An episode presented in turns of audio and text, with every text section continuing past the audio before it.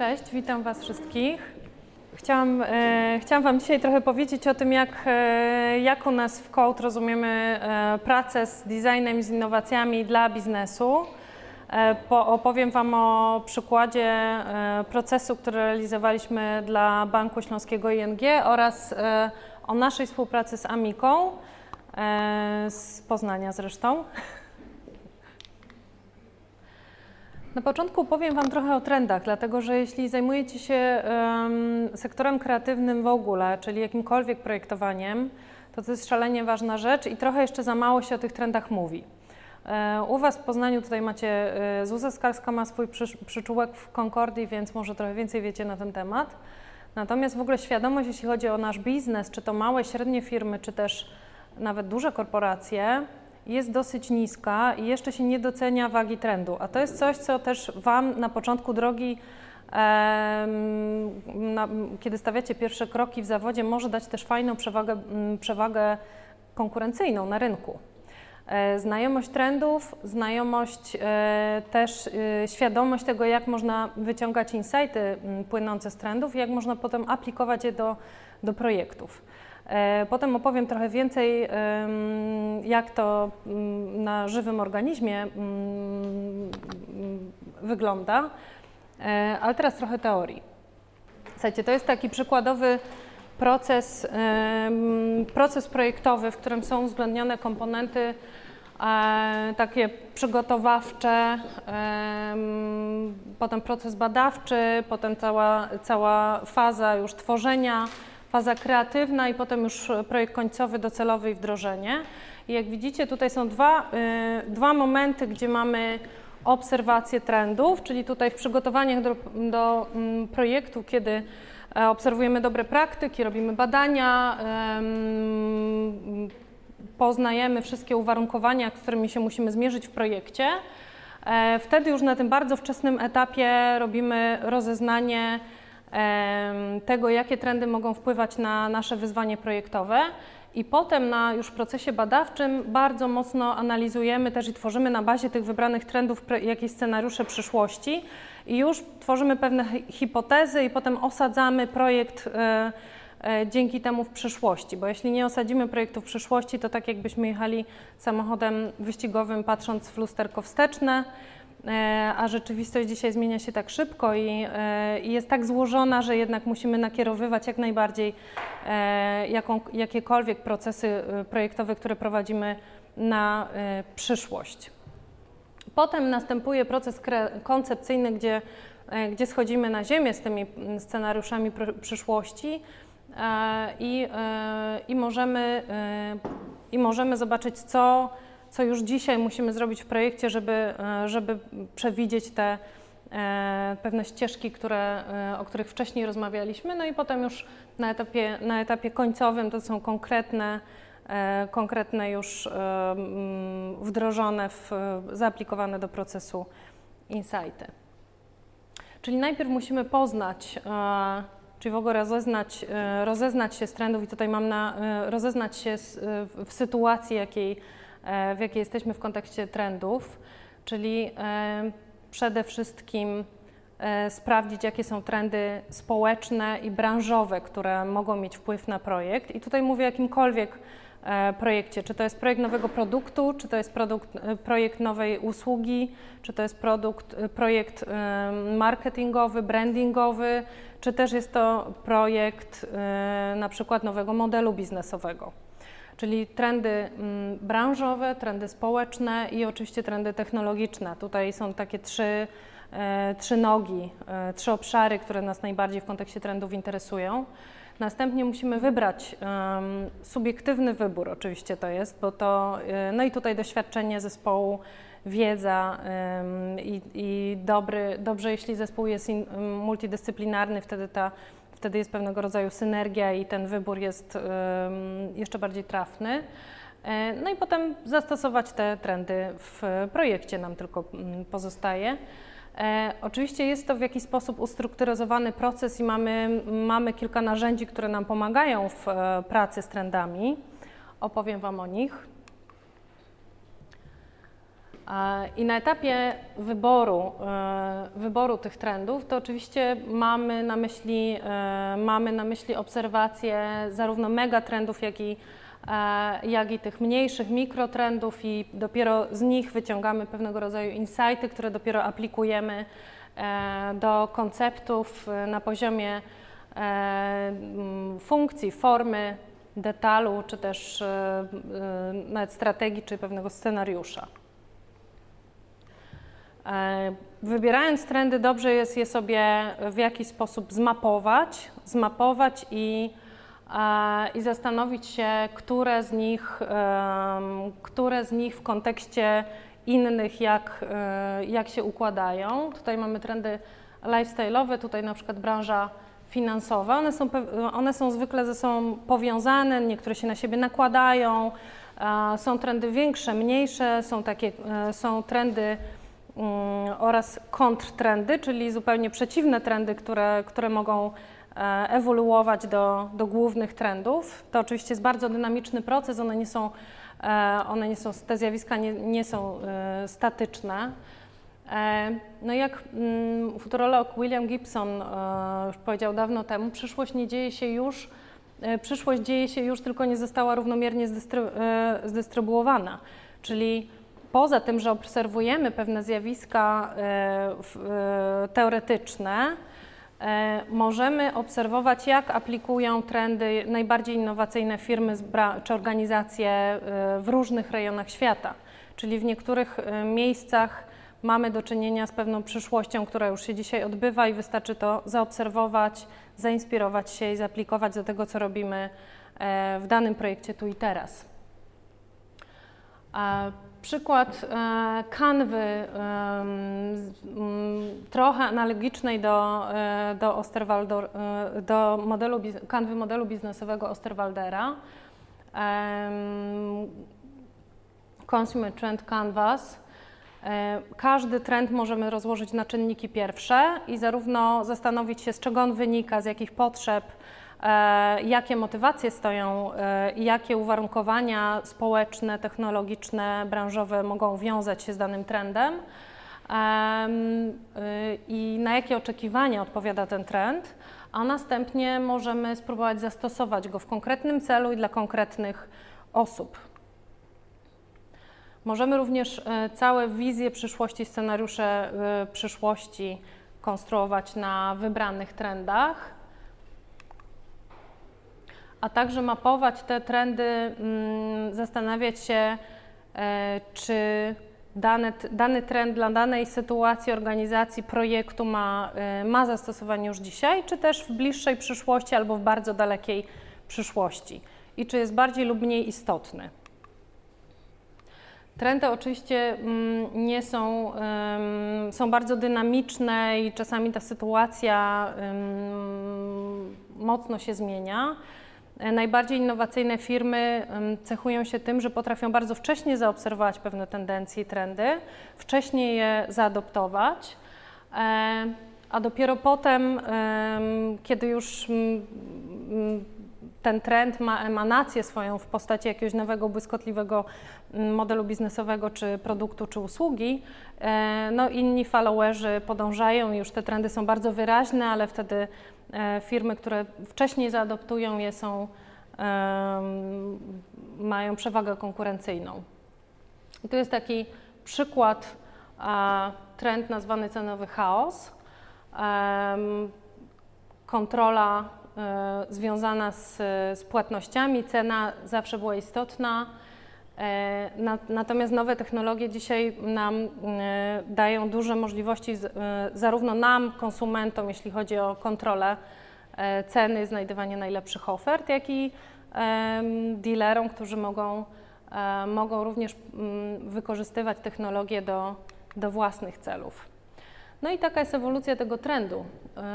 2008 rok, czyli Groupon, te platformy transakcyjne, zakupy grupowe, 2010 mm, czasy Foursquare, 2011 mm, tutaj mamy smartfony jako narzędzie do poszukiwania najlepszych ofert, już tutaj e, wiele aplikacji.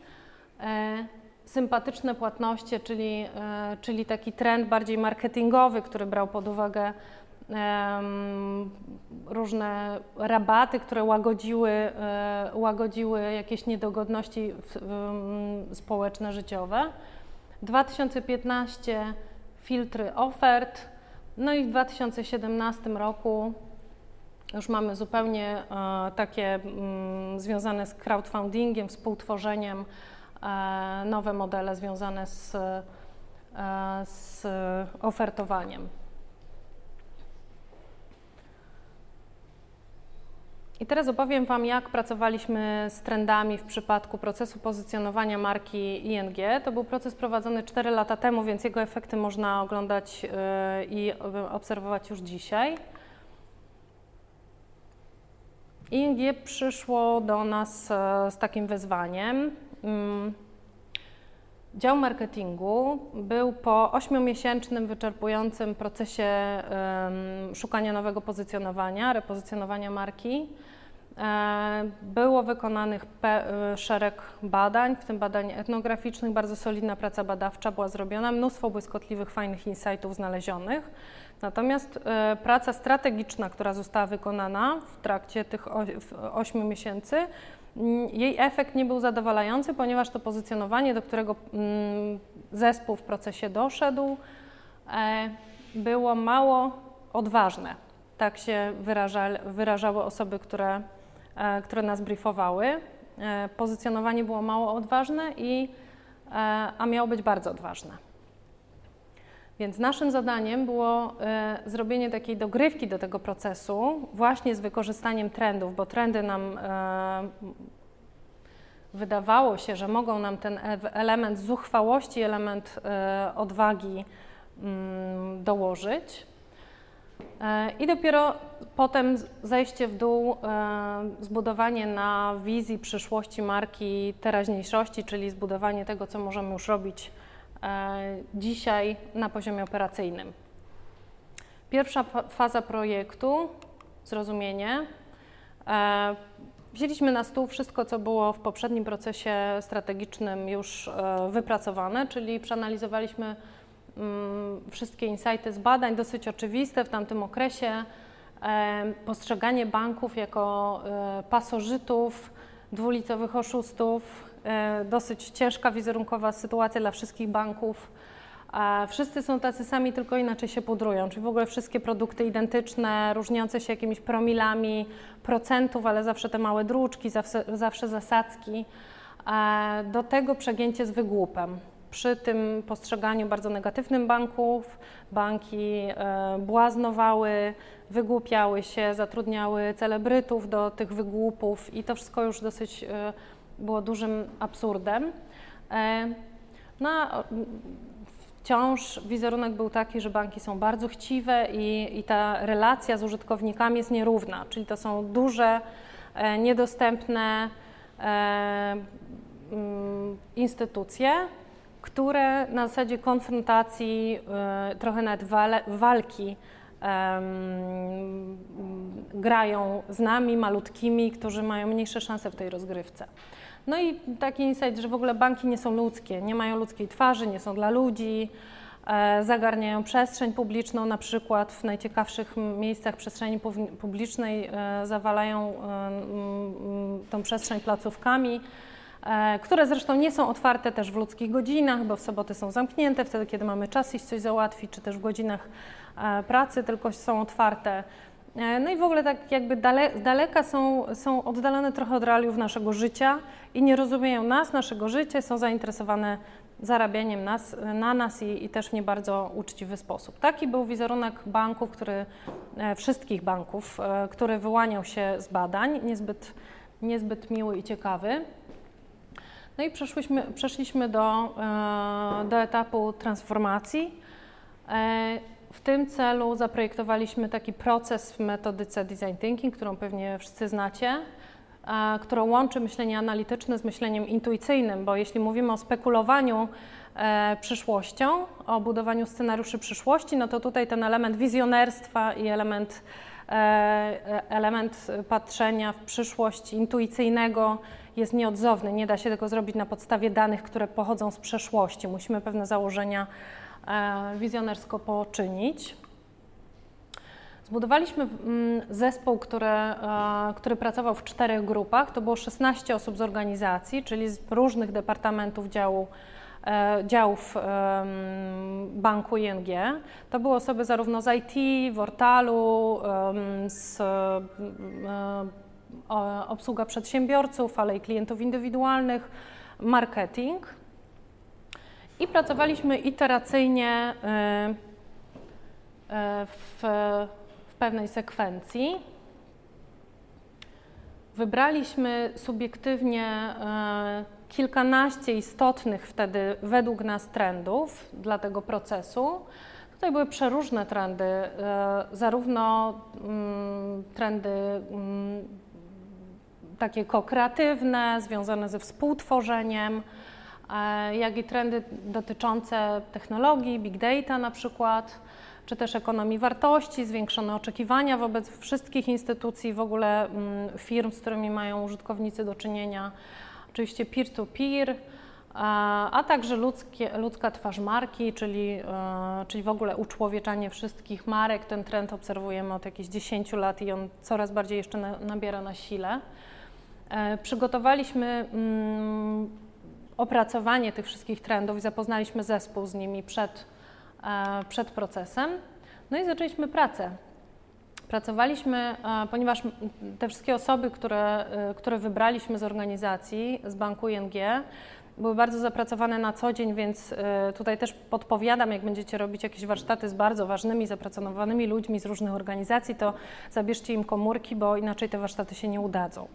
To jest pierwsza zasada, żeby, żeby bardzo, rygorystyczny, bardzo rygorystycznie ustawić takie zasady, E, bo nigdy się nie da żadnego procesu doprowadzić do, do końca, jeśli osoby w trakcie warsztatów i w trakcie pracy zespołowej co chwilę wychodzą, coś sprawdzają, muszą odzwonić i załatwić jakieś bardzo ważne e, sprawy. E, I mieliśmy już taką, mm, taką przygrywkę na spotkaniu kick-off, kiedy, kiedy widzieliśmy, że taka sytuacja, pomimo na, nałożenia na grupę takiego regulaminu, że taka sytuacja ma miejsce, że ta grupa nie da się zdyscyplinować łatwo, więc wybraliśmy do e, przeprowadzenia tych warsztatów e, miejsce położone kilka tysięcy metrów pod ziemią w kopalni Guido na Śląsku i tam po prostu nie ma zasięgu. A także nie można e, do kopalni zjeżdża się mm, windą w, w kasku i z, z pracownikiem kopalni. No i wyjazdy są co dwie godziny i po prostu nie można sobie wyjść z warsztatu i e, zadzwonić albo wyjść i wyjechać na powierzchnię, nawet gdyby się coś bardzo ważnego działo. A potem kolejny warsztat, ponieważ to był bardzo krótki proces, e, czterotygodniowy zarówno, zaledwie, ale bardzo intensywny.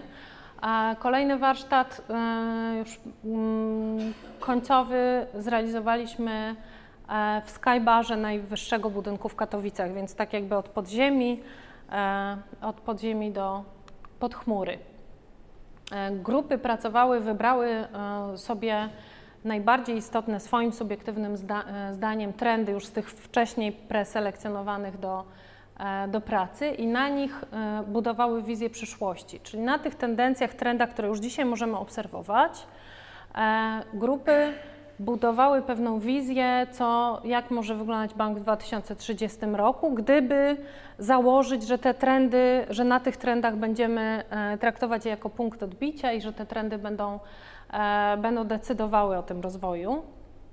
E, na kolejnych warsztatach z kolei operacjonalizowaliśmy tą wizję, czyli schodziliśmy na, e, w dół, czyli mm, na tym kanwasie strzałki były już nie do góry, a w dół i schodziliśmy do tego, jak ta wizja przekłada się dzisiaj na produkt, usługę, markę, komunikację tak żeby zbudować link pomiędzy tą przyszłością a tym, co już dzisiaj musimy zrobić, żeby w tej przyszłości się znaleźć, e, oczywiście biorąc pod uwagę kilka alternatywnych scenariuszy. E, no i każda z tych grup wypracowała e, swoją wizję marki ING 2030. E, co ciekawe, były pewne analogie. Mm, każda z grup uznała, że te trendy E, narzędziowe, technologiczne to jest taki poziom must have, który już każdy bank musi, e, musi posiadać i się z nimi liczyć, żeby w ogóle przetrwać na rynku. Natomiast trendy kokreatywne, mm, jako też rozumiane jako sposób na wykorzystanie mądrości tłumu, były najbardziej, naj, naj, miały największą siłę w pracy nad e, wizją przyszłości, nad poszczególnymi scenariuszami. No i tutaj założenie, założenie, że bank jest tworzony przez ludzi, dla ludzi i tak naprawdę doszliśmy do wniosku, i to wszystkie grupy niezależnie, że bank tak naprawdę musi wpleść się w życie ludzi i dać im narzędzia do tego, aby po pierwsze dzielili się swoimi doświadczeniami z bankowaniem szeroko rozumianym, po drugie, żeby realizowali swoje codzienne zadania związane z pieniędzmi, z płatnościami. E, I tutaj już nastąpiła taka przestrzeń do nawiązania z klientem takiej bardzo partnerskiej relacji czyli już nie taka konfrontacyjna relacja, e, my duzi, wy malutcy, ale bardzo partnerska i, e, no i ludzka twarz oczywiście. Bardzo istotnym trendem była ekonomia doświadczeń, czyli to, że ważne, bardzo ważne dla dzisiejszych konsumentów, użytkowników są takie całościowe doświadczenia z daną marką i to nieważne, czy tą marką jest McDonald's, czy ZUS, czy bank, czy też Starbucks.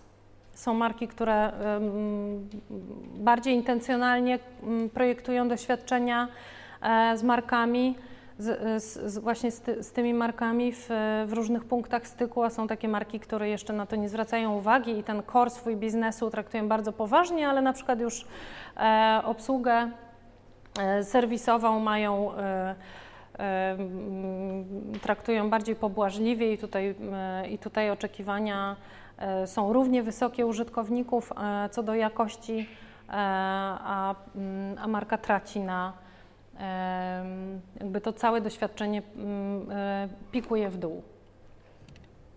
I ta ekonomia doświadczeń tak naprawdę wy, mm, była pewnym kierunkiem, do którego, do którego wszystkie trendy się sprowadzały.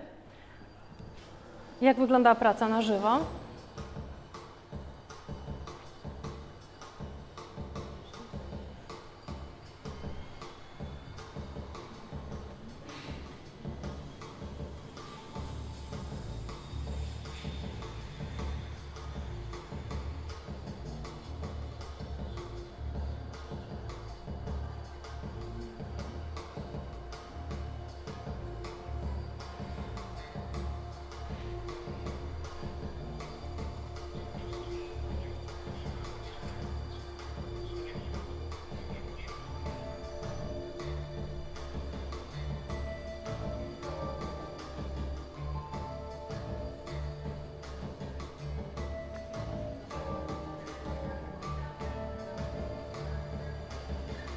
Dzięki braku zasięgu naprawdę duże, duże zaangażowanie uczestników widzimy.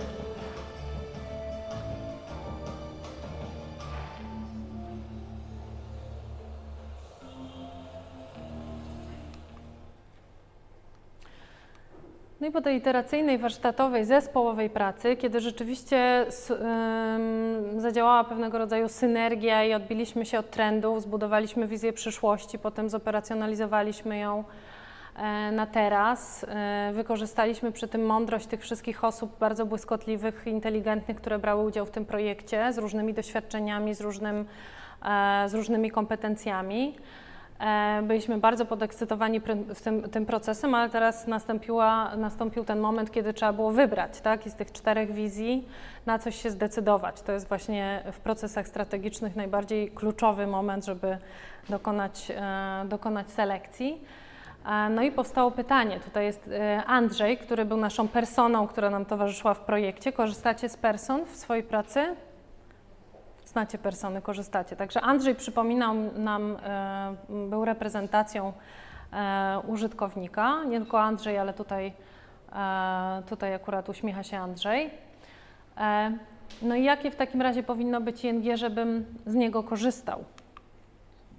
A, pieniądze to naprawdę ważna rzecz w życiu Andrzeja i chciałby czuć się, że jest traktowany poważnie po prostu, bo rzeczywiście z tych badań wcześniej obraz nędzy i rozpaczy wyłaniał się. Ludzie nie czują, że nie czuli, że, że są traktowani w ogóle poważnie przez banki.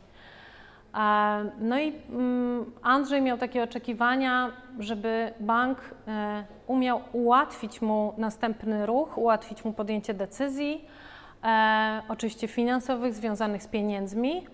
E, w jaki sposób mógłby bank to ułatwić? Poza tym, że w banku pracują eksperci, eksperci mogą być mniej lub bardziej wiarygodni, no bo pamiętajmy, że bank zawsze gra do swojej bramki. Więc tutaj wykorzystanie tych trendów kokreatywnych, budowanie na, nim, na nich e, sprawiło, że, że doszliśmy do wniosku, e, że bank powinien dać narzędzia do wymiany tych doświadczeń e, pomiędzy użytkownikami, ponieważ wielu ludzi jest w podobnej sytuacji, tak? a najbardziej ufam rekomendacjom ludzi podobnych do mnie E, którzy również na przykład przechodzili przez, e, przez procedurę mm, załatwiania kredytu hipotecznego na przykład, prawda? I to, e, I to tym osobom zaufam najbardziej, jeśli będę mógł poznać ich historię, ich zapytać o opinię, a nie ekspertom, którzy jednak no, mm, są po stronie banku. Czyli tak, ING ułatwia kolejny ruch, bo integruje ekosystem finansów wokół mnie i moich potrzeb. Mm, tutaj też oczywiście myślenie o, mm, o, produktach bankowych e, jako o takim ekosystemie produktowo-usługowym, już nie o produktach wyrwanych z kontekstu. E, e, no i podpowiada możliwe rozwiązania, a także pozwala na lekkie, intuicyjnie bankowanie, czyli to wszystko, co nam umożliwia dzisiejsza technologia, płatności ambientowe, tak?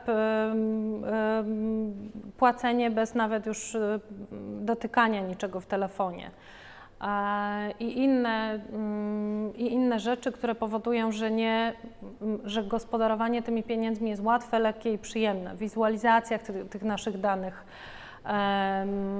które mamy w systemie bankowym.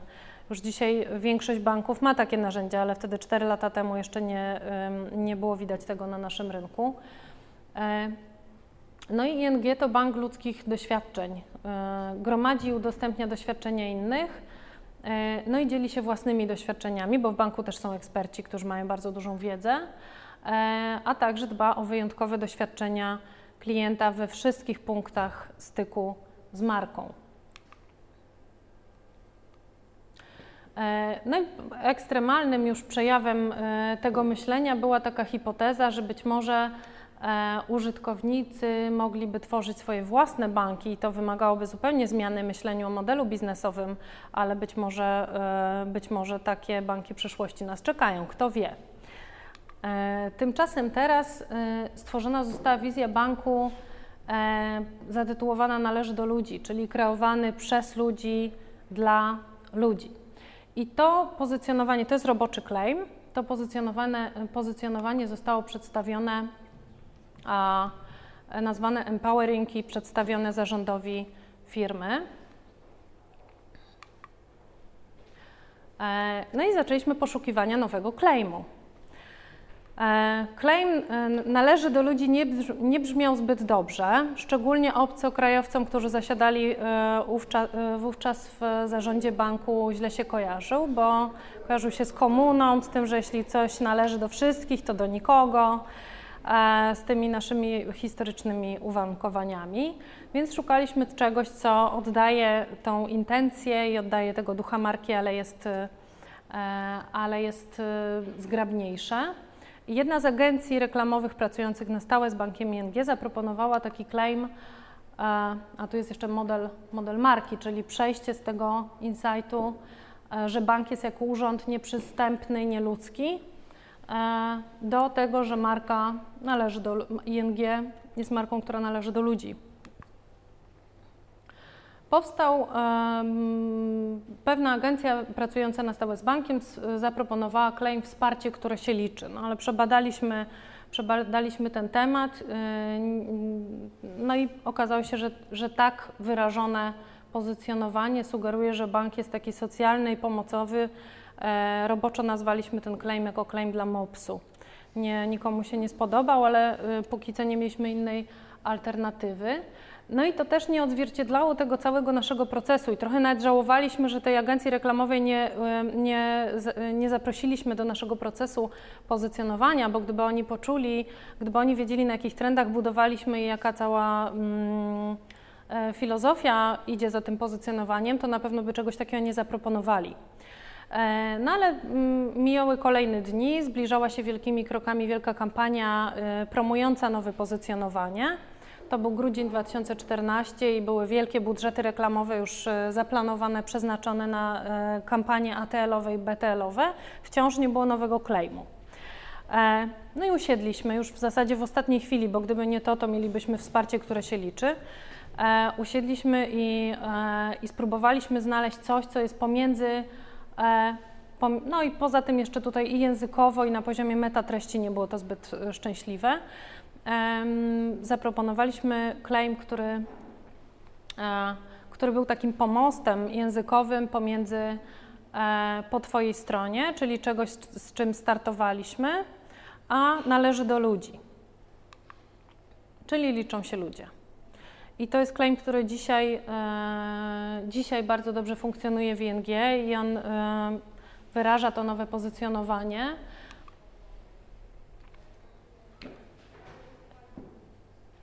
Bank, który dba o klientów, rozumie potrzeby, mm, dla którego wartości to nie są tylko liczby, czyli jest ludzki, bank, który Cię wspiera. Językowo i na poziomie metatreści e, dużo lepiej niż poprzedni.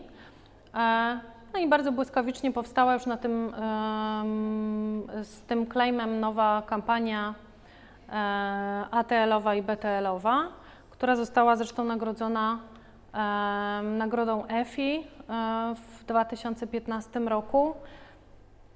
Bank się bardzo cieszy, bo to w, w świecie marketingu ważna ważna nagroda, a także jakby po całym tym procesie pozycjonowania y, nastąpiło bardzo wiele inicjatyw takich w banku w różnych departamentach, ponieważ my mieliśmy ambasadorów tej zmiany w naszym procesie z różnych departamentów, to też w różne departamenty zaczęły e, oddolnie wprowadzać różne zmiany, inicjatywy po to, żeby dać key reason to believe do tego całego nowego pozycjonowania i żeby pracować tak, żeby dowozić te obietnice i żeby rzeczywiście w tą stronę się zmieniać.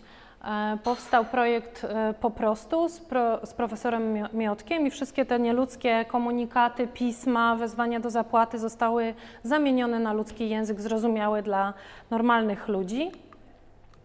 E, oraz kampania Migam dla, dla ludzi z niepełnosprawnościami, obsługa w języku migowym a także cały duży serwis transakcyjny Moje ING, które, e, który był już również realizowany w procesie design thinking i z uwzględnieniem, e, z uwzględnieniem e, doświadczeń użytkowników.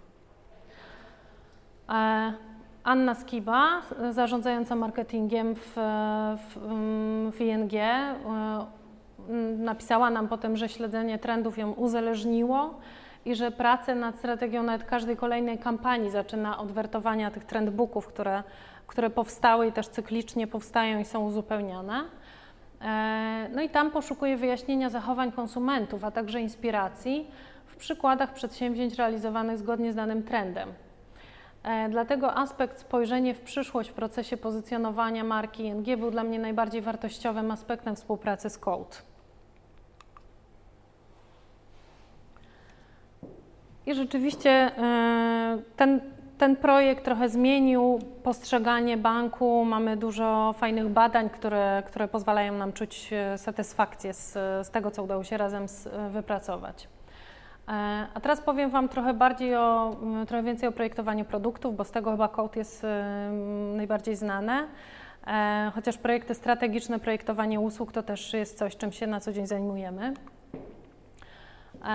Rozpoczęliśmy współpracę z Amiką w 2009 roku, kiedy, e, kiedy to Amika nie miała jeszcze takiej, e, nie miała e, bardzo dobrej sytuacji biznesowej. Rynek się zmieniał, wchodziły nowe marki do Polski, Amika traciła udziały, spadała rento, udział w rynku, oczywiście spadała rentowność biznesowa tego przedsięwzięcia. Zaczęliśmy z grubej rury, bo wprowadziliśmy pierwszą pierwszy produkt na rynek i on od razu dostał nagrodę Red Dot Best of the Best. E, Red Dotów jest trochę, y, co roku w Polsce producenci dostają kilkanaście, kilka czy kilkanaście Red Dotów, ale best of the Best jak na razie tylko, e, tylko należy do piekarnika Zen. To był bardzo fajny projekt, który polegał na takim insightie też płynącym z procesu badawczego, który oczywiście wcześniej mm, przed, przed tą pracą kreatywną prowadziliśmy że ludzie są zmęczeni nadmiarem technologii, zmęczeni nadmiarem funkcji, zmęczeniem czytaniem, e, czytaniem mm, instrukcji obsługi. I tak naprawdę e, warto e, pewne produkty sprowadzić do ich podstawowej funkcji, no i zastosować dwie gałki, temperatura, tryb pieczenia, do tego jeszcze drewniana rączka, która daje taki przyjemny touch w kontakcie z klientem, z, z, z dłonią użytkownika. E, ta, ta rączka dodatkowo jeszcze, ponieważ e, mogła być personalizowana, było kilka gatunków tego drewna i można było sobie dostosować do własnej kuchni e, kolor tego drewna. Wykończenie biały mat i czarny mat. To wtedy była zupełnie, zupełna rewolucja na, na, na rynku, bo piekarniki wszystkie były z masą inoxu był tylko Inox i, e, i Amika. W ogóle mm, product managerowie z Amiki powiedzieli, że zwariowaliśmy, że białe i czarne piekarniki w ogóle się nie mają szansy sprzedać. Namówiliśmy ich, żeby w, wyprodukowali takie prototypy i zgłosili je do Red Dota, no i tak się, mm, tak się okazało, że że, że, jednak e, mm, doceniła to kapituła Red Dot, a także potem rynek to docenił. No i dzisiaj już wiemy, że jak wchodzimy do Mediamarktu czy jakiegoś sklepu sklepu z, e, z AGD, to te białe i czarne to tak naprawdę już są normą, a inoxu już nie ma. Więc tutaj też nos do trendów kolorystycznych. E, tutaj Michał Biernacki, szef projektantów Code, który odbierał nagrodę Red Dot w Essen i Janna Krzywda, która była szefową wówczas sprzętu grzejnego w Amice. Po wprowadzeniu pierwszej linii e, mm, sprzętu grzejnego w Amice, e, poza tymi sukcesami wizerunkowymi, no bo fajnie jest dostawać nagrody, ale też e, duży biznes potrzebuje efektów biznesowych z takich działań. Amika zanotowała w ciągu roku od wprowadzenia tych zmian, zanotowała bardzo istotny wzrost, wzrost udziału w rynku. I tak, e, jeśli chodzi o piekarniki niezależne w kategorii tych tańszych, w tańszym segmencie 1400-1600 zł, to z 8% udziału w rynku udało im się w ciągu roku osiągnąć ponad 20% i to był absolutny szok dla zarządu i, i też dla całego top managementu w Amice, bo takich wzrostów po prostu w tej branży się nie odnotowuje na co dzień. A, a jeśli chodzi o te droższe piekarniki 1600, plus, to tutaj już był, to tutaj y, słupek jest, tutaj ta proporcja jest mniejsza, ale szok był jeszcze większy, bo Amika nigdy nie widziała się jako marki, y, która może konkurować w tym wyższym segmencie rynkowym. E, no a tutaj okazuje się, że dobry design i e, dokładnie ta sama konstrukcja, dokładnie ten sam produkt i tylko ten design rozumiany jako stylistyczne opakowanie, ta sukienka stylistyczna tego produktu, który jednak komunikuje jakość, innowacyjność itd., tak e, zagwarantowały sprzedaż w tym segmencie. No i efekty biznesowe. 2000 mm, 14 rok 600% wzrost e, zysku. E, I co szef product managerów Radosław Czarnecki mówił wówczas o tej współpracy już po, po roku strategicznej współpracy z nami, że Amika zaczęła tworzyć czytelny jednorodny język naszych produktów. To rzeczywiście było tak, że jak my zaczęliśmy, zaczęliśmy współpracować, to portfolio Amiki to był jeden wielki bałagan. Tak jak patrzycie na produkty Electroluxa, czy, e, czy Boscha, czy Siemensa, czy Miele, to widać, że to jest pewien e, jednorodny, czytelny, e, czytelny, czytelne jedno DNA designu w tych produktach. W Amice było od sasa do lasa, każdy produkt był tworzony przypadkowo, e, a, albo był e, tworzony samodzielnie przez inżynierów pracujących w Amice z różnych tam komponentów podzespołów, albo też różni projektanci incydentalnie byli zapraszani do współpracy, ale nie mieli żadnego design booka, nie mieli wytycznych projektowych, więc nie było żadnych ram, do których można było się odnieść i każdy produkt był jakąś e, taką indywidualną emanacją wizji artystycznej danego projektanta, więc w tym portfolio naprawdę było bardzo ciekawie. a my zaczęliśmy pracować nad tym, żeby jednak wprowadzać pewne jednolite DNA designu do tych produktów. No i co, zwiększenie udziału w rynku, wymierne rezultaty biznesowe, kolejne nagrody, red doty, no i coraz większe uznanie w oczach klientów, bo rzeczywiście Polacy mm, w tym czasie zaczęli lubić polskie marki, które robią coś fajnego. Po latach nielubienia polskich marek, które się kojarzyły z czymś gorszym, e, zaczęliśmy też, jest taka tendencja, że zaczęliśmy doceniać takie polskie marki, którym się udaje, jesteśmy z tego dumni.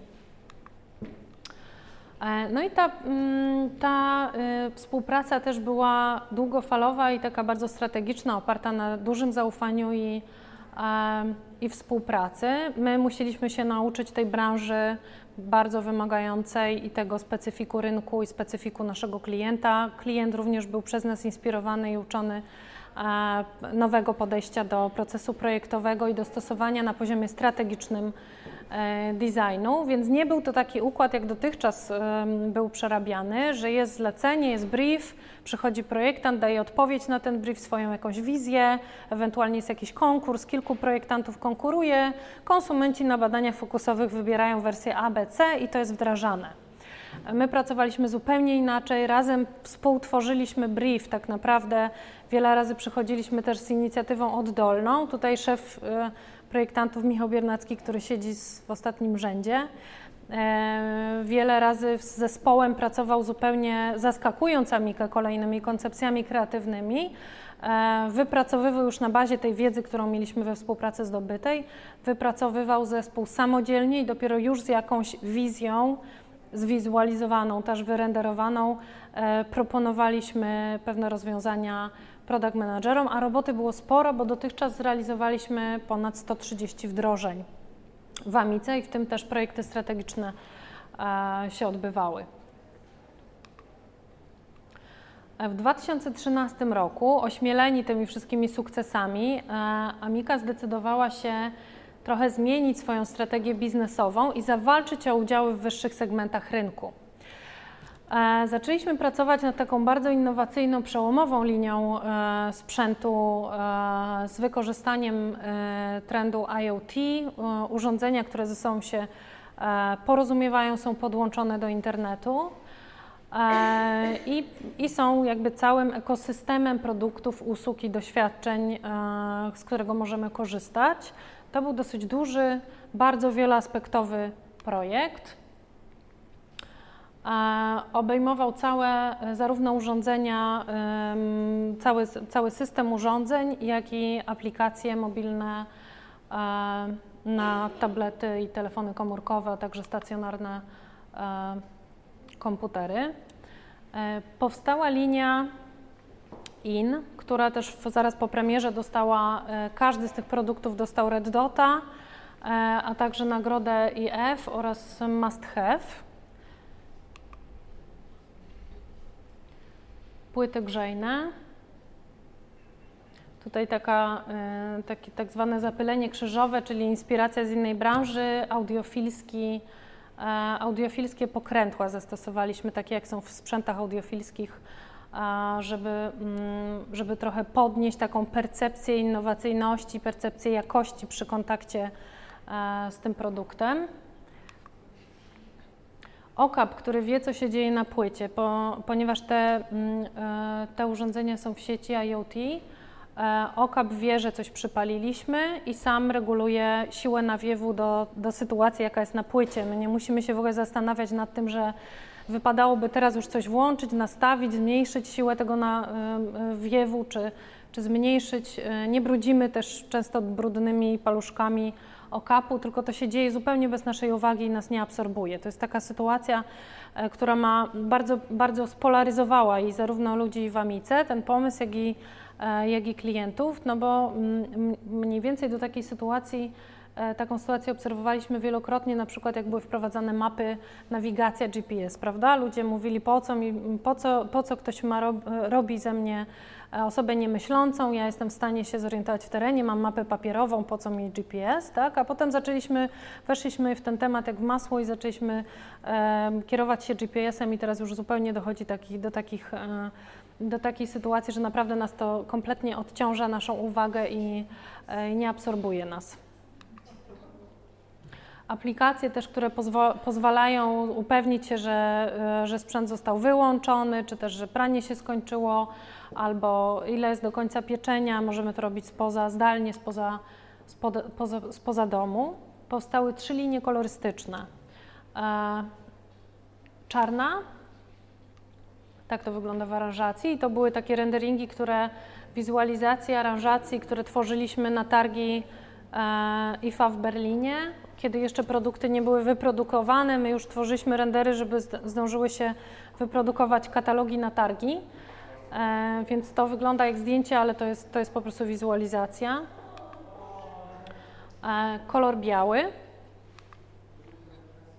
i również wyrenderowana wizualizacja. I kolor beżowy. I tutaj znowu Amika zobaczyła ten kolor beżowy i, po, i e, wszyscy powiedzieli jak jeden mąż, e, słuchajcie, wy zawsze, zawsze wam wierzyliśmy, ale teraz już przesadziliście. Nie, w ogóle kolor beżowy nie ma szans. W sprzęcie AGD nigdy nie było takiego koloru, nie, nie ma i nie będzie. No ale udało się, ponieważ już jakoś wypracowaliśmy taką swoją pozycję tam yy, yy, i Amika nam zaufała z tym kolorem beżowym, e, to było też, tutaj też patrzyliśmy w trendy w przemyśle w sektorze motoryzacyjnym. Jak obserwujecie trendy, szczególnie stylistyczne, to warto patrzeć na motoryzację, bo tam w motoryzacji jak bardzo szybko adaptują się te trendy. No i to był czas, kiedy zaczę, zaczęły się po, pojawiać beżowe, e, brązowe samochody. To pierwszym chyba było Porsche, pierwszą marką, która wprowadziła tą kolorystykę.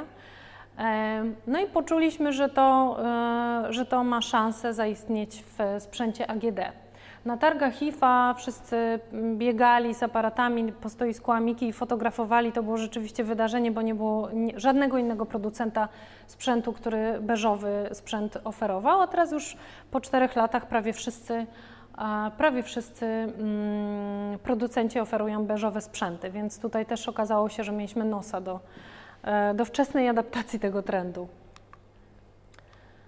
No i aranżacja kuchnia z beżowymi sprzętami, kiedy ten sprzęt był launchowany. Tutaj ten, na tym filmie też po, są pokazane jakieś poszczególne części procesu projektowego, jak powstawały prototypy, pierwsze rysunki, testy, parę ujęć z naszej pracowni.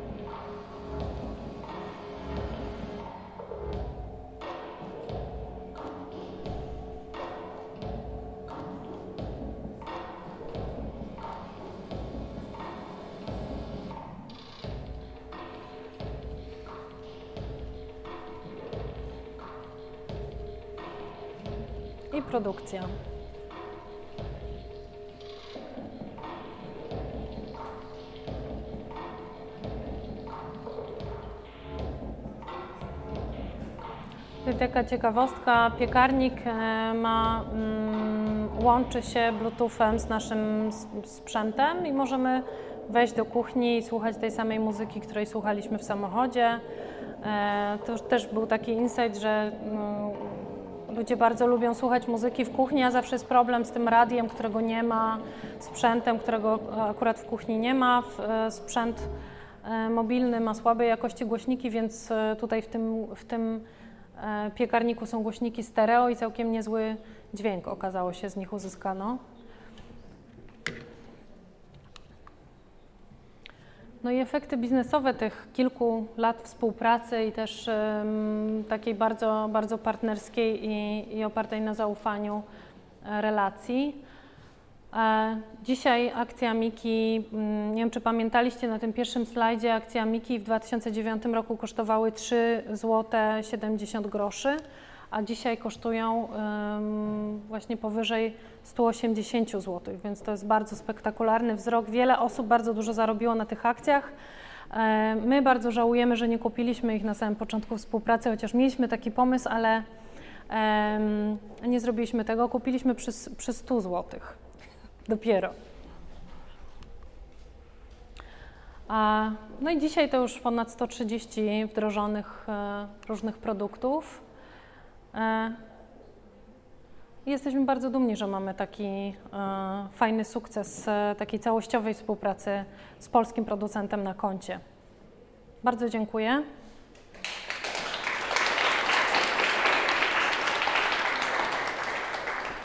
Teraz jeśli macie jakieś pytania, to bardzo chętnie pogadam z Wami. Ja nie jestem studentką tej szkoły, ale tak z ciekawości pytam, w jaki sposób się śledzi takie trendy? E, jeśli Praktycznie. O... Kto, jak, mhm. gdzie? Wiem, że są na pewno jakieś targi designu i tam tak, można to zaobserwować. Na targach y, designu można już obserwować, jak inni e, te trendy aplikują w konkretne rozwiązania. Natomiast takie wczesne wykrywanie, wczesna detekcja tych trendów, to tutaj mamy, mm, tutaj posiłkujemy się trendwatcherami, czyli takimi osobami właśnie jak Zuzanna Skalska, którą pewnie wszyscy znacie. Jest kilka osób takich na świecie, czy kilkanaście już dzisiaj które mm, są bardzo dobrymi socjologami, psychologami i znawcami e, trendów i one objeżdżają świat i, e, i obserwują, co się dzieje w kontekście zarówno politycznym, demograficznym, społecznym, technologicznym, jak i środowiskowym, bo te wszystkie rzeczy mają wpływ na, na to, jak ewoluują trendy i, i jak potem wpływają na nasze życie. E, I są również takie, takie platformy, które śledzą trendy i do których można wykupić dostęp. One są w części darmowe, natomiast te zaawansowane bazy danych, bazy trendów są już płatne.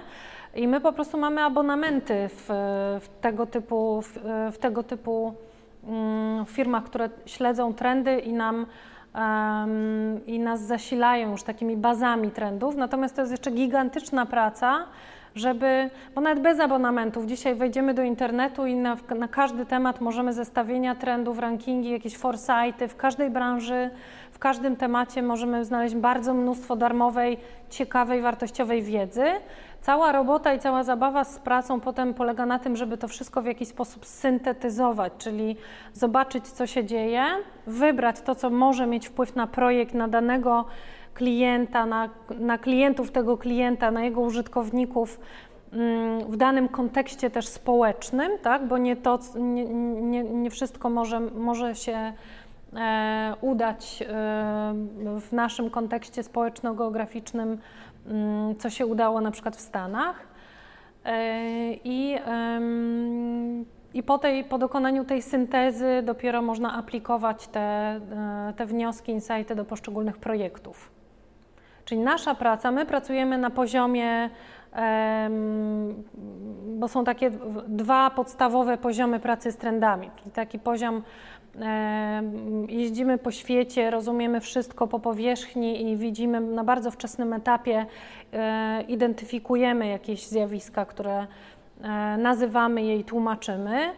E, natomiast naszą rolą jest już syntetyzowanie tych zidentyfikowanych trendów, wyławianie tego, co jest istotne dla projektu i potem praca z narzędziami już e, z tymi trendami w projekcie. Bardzo ciekawa, inspirująca rzecz. Okej, okay, ja chciałam zapytać o taki design thinking w pigułce. Mam na myśli, e, pracuję dla agencji brandingowej, która jest mała i nie mamy czasem, znaczy nie mamy takich klientów jak Amika, która może sobie pozwolić, nie wiem, na cztery tygodnie e, wspólnej pracy z, tak jak było w tym przykładzie, mhm. osobami z ING e, i nad tym całym procesem.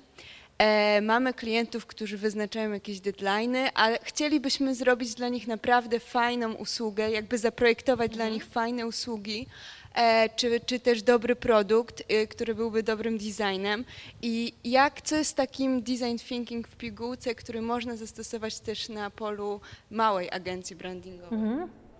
Tutaj skala nie ma, nie ma wielkiego znaczenia, bo można zrobić taki sprint design thinking i zrobić nawet to, tą całą robotę w tydzień. Ważne jest, żeby e, odpowiednie osoby w tym procesie się znalazły i żeby odpowiednio zaprojektować ten proces. To jest klucz do sukcesu. Czyli cała dynamika, e, energia tej grupy, która będzie pracować, tutaj wart, warto dobrać takie osoby, które są właśnie zarówno analitycznie myślące, jak i wizjonerskie, otwarte i kreatywne. E, no i można zaprojektować taki proces rzeczywiście z ma bardzo małym budżetem albo nawet bez budżetu, czyli jeśli macie budżet na prace projektowe, e, to pracę badawczą możecie zrobić e, i takie przygotowania do projektu, czy śledzenie trendów nawet na, na poziomie desk research, tego co jest w necie, możecie zrobić własnymi siłami, niskobudżetowo, ale zrobić to, nie pominąć żadnego elementu. Nie jest, w takim przypadku nie jest jakby lepiej zrobić e, badania własne, czyli samemu stać się badaczem i, e, i, i poczuć temat, e, niż nie robić tych badań wcale, jeśli nie ma na przykład budżetu na, na agencję badawczą. No i ważne, żeby pracować iteracyjnie i um, i stosować te zasady, główne, główne metodyki design thinking, czyli iteracyjność, zespół e, interdyscyplinarny, nakierowanie na przyszłość, co też e, bardzo często w procesach design thinkingowych nie zasilamy się trendami, tylko badaniami. I to jest, e, dlatego dzisiaj powiedziałam Wam trochę więcej o trendach, bo, bo to jest według mnie kluczowy element powodzenia w przyszłości takiej usługi, produktu czy też kampanii. Mm, bo jeśli mamy same insighty z badań, no to one nam powiedzą o tym, co użytkownicy, czego użytkownicy chcieli, nie chcieli, jakie mieli doświadczenia co najmniej wczoraj, no bo te badania były zrobione wczoraj, już nie dzisiaj, ale nic nam nie powiedzą o tym, jak zmieni się ich życie, jak, jakie będą mieć oczekiwania jutro i za pół roku i za dwa lata, prawda? Ja mam pewnie pytanie y, rzeka. Y, jak przekonać organizacje, korporacje do tego, żeby uwierzyła w tą metodologię albo w coś, co projektuje. E, czy przykład idzie z góry? Co, co, musi się wydarzyć? Czy to musi być CEO, który będzie w to wierzył? Czy, czy to muszą być już ludzie, którzy będą to projektować, którzy w to wierzą? Czy, czy lepiej zaryzykować i wziąć takich totalnie skrajnych i nie, broń Boże, nie, nie uśredniać nikogo? Co się musi wydarzyć, żeby rzeczywiście E, coś wdrożyć, zaprojektować, a w konsekwencji też, żeby zbudować sieć tych ambasadorów e, na przykładzie dużej korporacji, na przykład ING, tak jak wspominałaś. No jeśli CEO jest e, tym wizjonerem, który wierzy w to podejście, w siłę tego podejścia i je sam programuje, jakby z góry, z góry narzuca w organizacji, to jest sytuacja idealna. Najczęściej nie mamy takiej idealnej sytuacji, więc E, mój sposób jest taki, że mm, i z mojego doświadczenia wynika to, że najlepiej, e, najlepiej wchodzić małymi kroczkami, e, udowadniać skuteczność takiego podejścia na małych projektach, czasami robionych na własne ryzyko, z własnym jakimś niewielkim ryzykiem biznesowym, czyli po prostu zrobimy Ci, drodzy, drogi kliencie, pokazowy mini proces, zobaczymy, co się uda wypracować, albo w, w budżecie, który który masz e, na jakiś proces projektowy, dołożymy parę komponentów e, gratis po to, żeby Cię przekonać do, do, do takiego działania i, i potem sam ocenisz, jakie są efekty. E, więc no, takie oddolne, jak najbardziej oddolne działania i oddolna, oddolna praca u podstaw. Bardzo łatwo jest zarazić ludzi na poziomie managementu, top managementu takim podejściem. A pewien trik, który zawsze się sprawdza, znaleźć jednego konkurenta tej firmy, e, tak, na tyle innowacyjnego i na tyle fajnego, że, że dzisiaj już wszyscy, wszystkie innowacyjne i fajne firmy używają w zarządzaniu zwinnych me metodyk, w tym design thinking, czyli jakby zawsze znajdzie się jakiś duży, fajny bank, który już tego używa, tak? Deutsche Bank był, był e, chyba pionierem, e, już chyba z 10 lat temu. E, I w każdej branży może znaleźć się taki konkurent, który jest innowacyjny, który jest dobrym benchmarkiem, godnym naśladowania i który już to robi. I to jest wystarczający argument, żeby zasiać mm, zapotrzebowanie i otwartość w organizacji. Z doświadczenia wiem, że potem, e, przy, może nie przy Jęgi, ale jeśli mam mniejszą mhm. firmę i podam przykład powiedzmy Mile, czy ja sam nie wiem jak się wymawia, ale tej dużej niemieckiej firmy, to szef powie, ach, bo oni są tacy duzi, my jeszcze nie jesteśmy, więc nie jesteśmy gotowi na to. Mhm. Więc nie bardzo. I powie, i też często przy projektach jest tak, że jak dostanie gotowy projekt, to powie, ach, to jednak ja bym tu coś zmienił. Teraz jaki jest trik, żeby w tym momencie przekonać szefa, że jednak proszę nas posłuchać i nam zaufać? Mhm. No tak, tutaj um, najlepiej byłoby, żeby zaufanie do projektantów było takie same jak do dentystów albo do chirurgów, prawda? Jak idziemy na stół operacyjny, to nie mówimy chirurgowi, że coś może, może E, w lewo, w prawo, jakoś inaczej. E, ale tak, e, tak fajnie nie jest jeszcze w Polsce, bo, bo, bo na zachodzie Europy mm, jest pewne, pewnego rodzaju zaufanie do projektantów, takie jak już do architektów na przykład. Tak? Renomowane pracownie architektoniczne mają, mm, no nie dyskutuje się z ich projektami, prawda? Nie, klienci już nie, nie oferują swoich własnych pomysłów. Natomiast rzeczywiście jest taki problem, że do pewnego rozwoju, i to, i to zależy też od stopnia rozwoju i od, i od sytuacji rynkowych, od pozycji rynkowej firmy projektowej. Bo małe firmy projektowe mają ten problem bardzo nasilony, ponieważ one jeszcze nie mają dużo, dużo mm, przykładów potwierdzających skuteczność ich nosa, ich talentu, ich wyczucia rynku, prawda? Dopóki tego nie ma, dopóki nie ma takich twardych dowodów, zrobiliśmy dla tej firmy to i to i są takie i takie efekty biznesowe, wizerunkowe, nagrody i tak dalej, to jest bardzo trudno e, takiego zaufania u producenta wymagać rzeczywiście. E, no i on też nie wie, czy, to, czy trafił na artystę, który go wyprowadzi na manowce, czy na fachowca, który. Także to ja, ja też rozumiem takie, taką niepewność ze strony przedsiębiorców. No więc tutaj też polecam działanie małymi kroczkami, czyli robimy małą rzecz, zobaczymy jak to działa na rynku i potem wchodzimy coraz szerzej w tą współpracę i coraz więcej rzeczy e, robimy razem. E, ja mam takie pytanie e, z zupełnie innego punktu widzenia, e, bo nie jestem projektantem, jestem ekonomistą tutaj.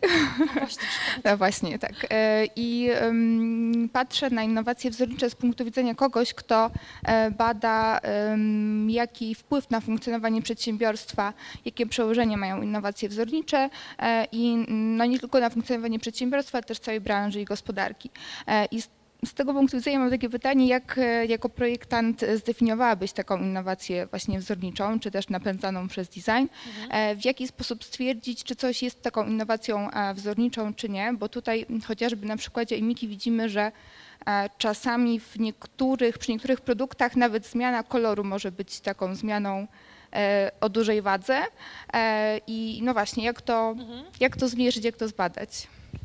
Tak, tutaj te innowacje oczywiście mogą na różnych, na różnych poziomach e, e, funkcjonować.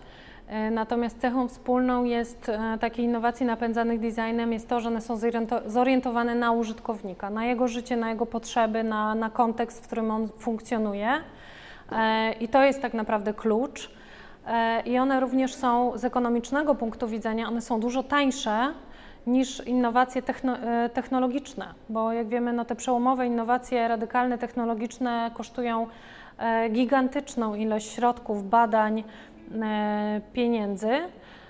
No i umówmy się, że polska gospodarka to nie jest gospodarka masowych, którą stać na masowe innowacje technologiczne, więc jedyną szansą w ogóle naszego rozwoju gospodarczego, a właśnie głównie tych firm z sektora MŚP, są właśnie innowacje przez design, czyli umiejętne wykorzystanie designu, czyli obserwacji rynku, obserwacji potrzeb użytkowników, również zaglądanie w przyszłość, w trendy, po to, żeby, mm, żeby zaproponować, e, e, znaleźć wyróżniki dla marki i stworzyć taką unikalną propozycję wartości, bo tylko to zagwarantuje przewagę konkurencyjną. No już w tej chwili e, projektowanie kolejnej kolejnych produktów podobnych do tych, które się już miało na, na zasadzie podpatrywania konkurencji już nie działa. Jeszcze parę lat temu działało, ale już dzisiaj bez takiej unikalnej propozycji wartości daleko nie zajedziemy. Więc według mnie to mm, bardzo dobre pytanie zadałaś i jest to kluczowe dla, dla rozwoju gospodarki w Polsce. E, mówiłaś o sytuacji, w której e, mamy waszego klienta, czyli bezpośrednio producenta, tak jak Amika, e, i klientów Amiki, dla których projektuje się jakiś produkt. Mhm. Co w sytuacji, kiedy jest jeszcze jeden gracz, to znaczy mamy outsourcera, który wykonuje jakieś usługi dla swojego dużego klienta, patrz mhm. na przykład Amika w tym, w tym przypadku, ale jeszcze są klienci końcowi. E, czy Twoim zdaniem e, design thinking da się zastosować również w takiej sytuacji, patrząc z perspektywy tego outsourcera, który miałby mhm. zaproponować jakąś innowację swojemu klientowi, który z kolei ma swoich klientów e, końcowych? Mhm. Jak byś do tego podeszła? Czyli wykonuje całą robotę ktoś, kto jest zleceniobiorcą, tak? Tej, czy to jest ukryty, bo to wszystko zależy od tego, czy to jest e, transparentny układ, czy, te, czy ten zleceniobiorca, ten podzleceniobiorca jest e, uje, utajniony. Nie wie. To to jest bardzo trudna sytuacja, dlatego że on nie ma żadnego, żadnej relacji, żadnej, żadnego wpływu na klienta końcowego. E, a szalenie ważna w każdym projekcie jest jednak możliwość ewangelizacji, edukacji tego klienta, przekonywania. Tutaj, e, tutaj są bardzo, tutaj jakby ten wpływ jest e, zerowy, więc wszystko zależy od tego, czy jaką, jaki, jaki pomysł na tą realizację ma ten zleceniodawca. Bo jeśli zleceniodawca, ale to też jest sytuacja nie E, niezbyt e, udana, bo w takich procesach największa wartość takich procesów multidyscyplinarnych jest wtedy, kiedy angażuje się zarówno klienta głównego, tego biznesowego, e, siebie, jak i klientów końcowych. No a w tym wypadku nie można brać udziału w takim procesie, no bo jest jedna strona, która, która po prostu odwala jakąś część roboty i, i jest nieujawniona, więc y, ciężki przypadek. Czy znasz przykłady, mm, gdzie ktoś próbował do tego podejść i odniósł sukces? Tak, ja znam takie przykłady, bo my bardzo często pracujemy z, e, z freelancerami czy z różnymi firmami, na przykład technologicznymi, które, e, które wykonują już na etapie wdrożenia, a także na wczesnym etapie nawet definiowania założeń, wymagań do projektu, dokładają swój komponent i już są zaangażowane w ten proces. My mamy taką zasadę, że robimy to zawsze w sposób transparentny, czyli od samego początku klient wie, że jakiś dodatkowy ekspert, jakiś dodatkowy podmiot z jakimiś unikalnymi kompetencjami, których my w kołdzie nie mamy, jest w tym projekcie. I to wtedy jest rozwiązanie zupełnie sytuacji. To jest, e, I to jest wtedy mm, bardzo uczciwe i dla wszystkich stron. I, I wtedy możemy jak największą wartość z tego wy, wyciągnąć, bo po prostu mamy dodatkowego eksperta w procesie, który od początku wie, rozumie, tworzy, współtworzy e, i to jest e, bardzo dobra sytuacja. Natomiast no, gdybyśmy mieli pracować z takimi, e, z takimi firmami wykonawczymi, które wykonują jakąś część naszej pracy na nasze zlecenie, no to my sobie z tym poradzimy, bo to my animujemy całość i my akurat no, e, e, stosujemy tą metodykę, więc nie musi na, nas już ta firma przekonywać. Natomiast jeśli to jest w drugą stronę, jeśli ta firma byłaby, która podwykonuje, bardziej świadoma od tej, która zleca, nie ma szans. Ja chciałem zapytać o, jeszcze o ING, e, bo tak sobie pomyślałem właśnie, że Wykonaliście super pracę, jeśli chodzi o tą strategię, ale Dzięki. chciałbym zapytać, e, jak wyglądało zmaterializowanie tego materiału, żeby później dalej bank mógł pracować na tym? Nie wiem, czy to zostało tylko w głowach tych ludzi, czy to, e, to jest pierwsza część. A druga, czy i na ile się podpisujecie pod tymi wszystkimi kampaniami, które były później? To, co, co się później z tym materiałem mhm. wydarzyło, bo mm, e, osobiście wiem od moich znajomych, ja, ja nie jestem klientem, ale spotkałem się z taką opinią, nad której się tak zawiesiłem, koleżanka mi powiedziała, że korzysta z tego banku, bo jest dla niej milutki. Na każdym etapie mówi, że sprawia jej to po prostu przyjemność. No, to trochę o to chodziło też, żeby było bardziej ludzko i przyjemnie, e, ale nie byliśmy twórcami wszystkich kampanii. My byliśmy e, twórcami na poziomie egzekucji kampanii BTL-owej, tej wizerunkowej kampanii, którą e, która miała bardzo duży zasięg e, w grudniu 2014 roku, już po tym procesie, pozycjonowania i to oczywiście było spisane w dokument strategiczny i, e, i potem było podstawą do realizacji innych projektów, które już bez naszego udziału działy się w banku. E, natomiast ta pierwsza kampania wizerunkowa była naszego autorstwa i my po prostu e, i, i my stworzyliśmy te, te, te mm, billboardy i, i, i różne inne nośniki. To ja mam jeszcze jedno pytanie. Jak współpracowaliście z tymi dużymi korporacjami, to w metodyką design thinking to pracowaliście bardziej z departamentami marketingowymi, czy z ludźmi, którzy produktu, pro, projektują wprost dane usługi czy produkty. No, mówiłaś o zespole takim interdyscyplinarnym. Mhm. Czy te osoby, które prawdopodobnie pierwszy raz się z tą metodyką spotkały, zostały w jakiś sposób wprowadzone? Y, czy w dużych korporacjach y, są takie działy, którymi, które się tym zajmują, tą metodyką, czy raczej y, wynajmują taką firmę jak Twoja? Różnie to bywa. Akurat w ING to był pierwszy proces, przy którym, przy którym pracownicy zetknęli się z tą metodyką. E, I to było dla nich na tyle inspirujące, fajne i ciekawe, że potem był dalszy ciąg. Potem ING zamówił serię szkoleń e, i wdrażał design thinking do organizacji. E, a potem przyszedł, przyszedł, przyszła inicjatywa z kolei od góry nas z Holandii, że ma być wdrożony agile i teraz jest wdrażany agile, więc tak, to też jest taka pewna dynamika, jakiś mód i, i metod zarządzania takich modnych która właśnie w tych dużych firmach pochodzi nie tyle z logiki i z tego, co się akurat w danej sytuacji, w danym kontekście e, sprawdza, tylko z jakiejś tam polityki horyzontalnej matki tej korporacji. Ale w, wtedy akurat udało się to zrobić w, rzeczywiście mocno multidyscyplinarnie z różnymi departamentami, które zarówno tworzyły ofertę, tworzyły produkty, e, jak i je komunikowały, czy też dbały o serwis. Bardzo dziękuję.